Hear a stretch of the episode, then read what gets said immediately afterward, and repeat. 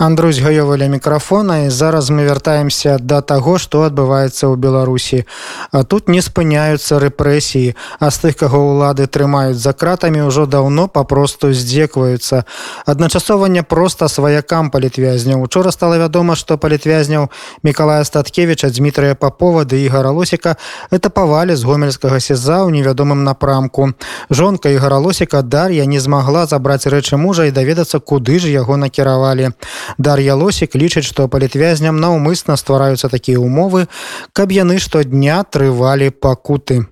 Я приехала в Гомель, чтобы забрать его вещи по разрешению от начальника СИЗО, так как Верховный суд отказал в том, чтобы я смогла забрать вещи. В Гомельском СИЗО номер три вещи можно забрать по вторникам и четвергам. Когда я забирала вот это вот разрешение на вещи, то уточнила, здесь он или нет. Мне сказали, что его и Попова, и, как оказалось, Николая Статкевича с понедельника на вторник увезли. Куды увезли и чему увезли вы, э, я так разумею, не ведаете? СИЗО в принципе, вряд. Ну, возможно, знает, но никогда чаще всего не говорит. Департамент исполнения наказаний, который в Минске, я туда писала уже, наверное, раз девять, они либо игнорируют, либо два раза ответили мне. Первый раз они, а, когда я писала до апелляции, они ответили, что напишите после апелляции. Я написала после того, как прошла апелляция. Они ответили, что не знают. И э, больше они мне не отвечали на мои письма, хотя я им просто шлю регулярно. Так как э, вот Минский департамент исполнения наказаний не отвечает мне, я решила с визитом посетить Гомельский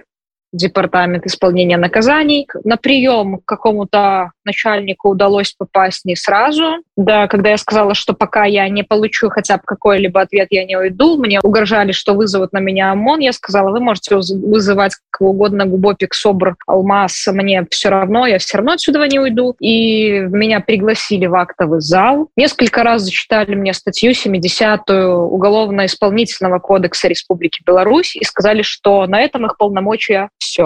Ну такая дзіўная складывается ситуация А хто по законе повинен нести адказнасць і повинен отказывать на пытанні близких и родных э, вязняў куды мог подеться человек Ну смотрите то что игоря отправят бывать э, наказание в какую-либо колонию это все очевидно и ясно и это логично по сути хотя бы. А вот как раз таки департамент исполнения наказаний берет на себя такую функцию отвечать родственникам куда их близкие будут направлены. Но мы же все прекрасно понимаем это дело тихохановского и помучить родственников и самих политзаключенных на этапе это для них дело святое и дело чести скажем так, они же без этого жить не могут, чтобы каким-либо образом мелко не напакостить. Поэтому кому-то они отвечают вполне себе нормально с первого раза, а кому-то, как в нашем случае, родственникам осужденных по делу Тихановского, они отвечать отказываются. Я им говорила, что я не хочу, чтобы вы мне читали уголовно-исполнительный кодекс, у меня он дома есть, и я его сама прекрасно читала, в том числе статью 70-ю. И я хочу, чтобы вы мне дали конкретный ответ, куда конкретно направился мой муж. Они сказали, мы пойдем вам на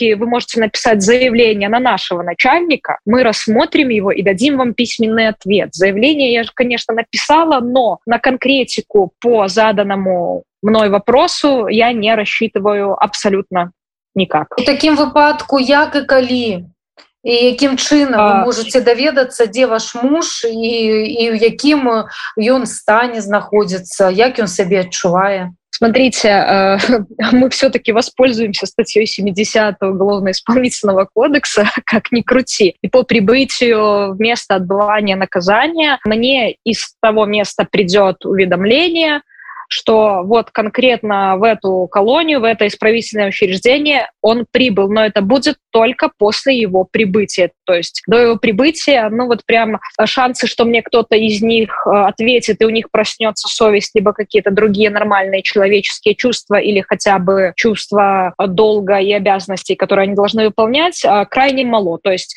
я узнаю это по прибытию Игоря в то место, где он будет бывать наказание. Не, ну мы же с вами разумеем, что гаворка ідзе аб беларусі Беларусь невялікая как краіна і перамясціць чалавека перасунуць аднаго месца на другое гэта пытанне літаральна аднаго дня Смотрите, в чем здесь дело. Этап на колонию, он не такой простой, и из рассказов родственников других политзаключенных я знаю, что он может идти и неделю, и две. То есть людей просто собирают со всей Беларуси, чтобы отвести их в конкретное место, где они все будут отбывать наказание. Ну, понятно, что мы можем добраться из одной части в Беларуси в другую за день, но с этапом это так не работает. То бок зараз вы у таким становішчы, что вы чакаете сколько колькі невядома гэта возьме тыдзень некалькі тыдняў. І яшчэ э, калі э, дадаць сюды час пакуль яны гэты ліст напішуць да вас дашлюць э, я так разумению электронной поштай а Все верно а... вы понимаете. Здесь еще в чем проблема почему я очень злюсь тому факту что мне не удалось забрать вещи. По той причине что у Игоря большое количество вещей и какую-то большую часть из них я должна была увести, потому что они ему там не пригодятся. Их просто ну, нельзя там носить, потому что там совершенно другие правила. Мы все прекрасно знаем, как проходят этапы политзаключенных. Это руки в наручниках ладонями наружу, и вот этими скованными в наручниках руками ты несешь все свои вещи, которые накопились у тебя за все время твоего пребывания в СИЗО. Это безумно тяжело, и я помню его этап, он мне рассказывал, из Жодина в Гомель, и я даже, честно сказать, боюсь представить, э, что ему предстоит пройти за эти дни и, возможно, недели. Ну, то па сутнасці гэта з'яўляецца яшчэ адной такой формай катавання чалавека А безусловно, отношение к политическим заключенным сейчас это вообще как одно сплошное, одна сплошная казнь, одно сплошное наказание. То есть максимально унизить, максимально показать, что ты здесь никто, а они здесь все. И они делают так, потому что могут так делать, и их никто не остановит. Оно вот сейчас так. ці ёсць у вас нейкія здагадкі куды могуць яны быць накіраваны ў якую калонію можа раней гэта не дзесьці агучвалася ну я сейчас порассуждаю например логически я сегодня позвонила в бобруйскую исправительную колонию номер два его там не оказалось. Наверное, чисто из моих ощущений и каких-то догадок я полагаю, что это будет Витебская область. Это практика отправить политзаключенного дальше от дома, как можно дальше. Я, порассуждав, решила, что, вероятнее всего, это будет Витебская область, хотя могу ошибаться. Вы зараз у таким становішчы, што вы ніякім чынам не можете паўплываць на гэтую сітуацыю, все, што вам застаецца, гэта просто чакаць так.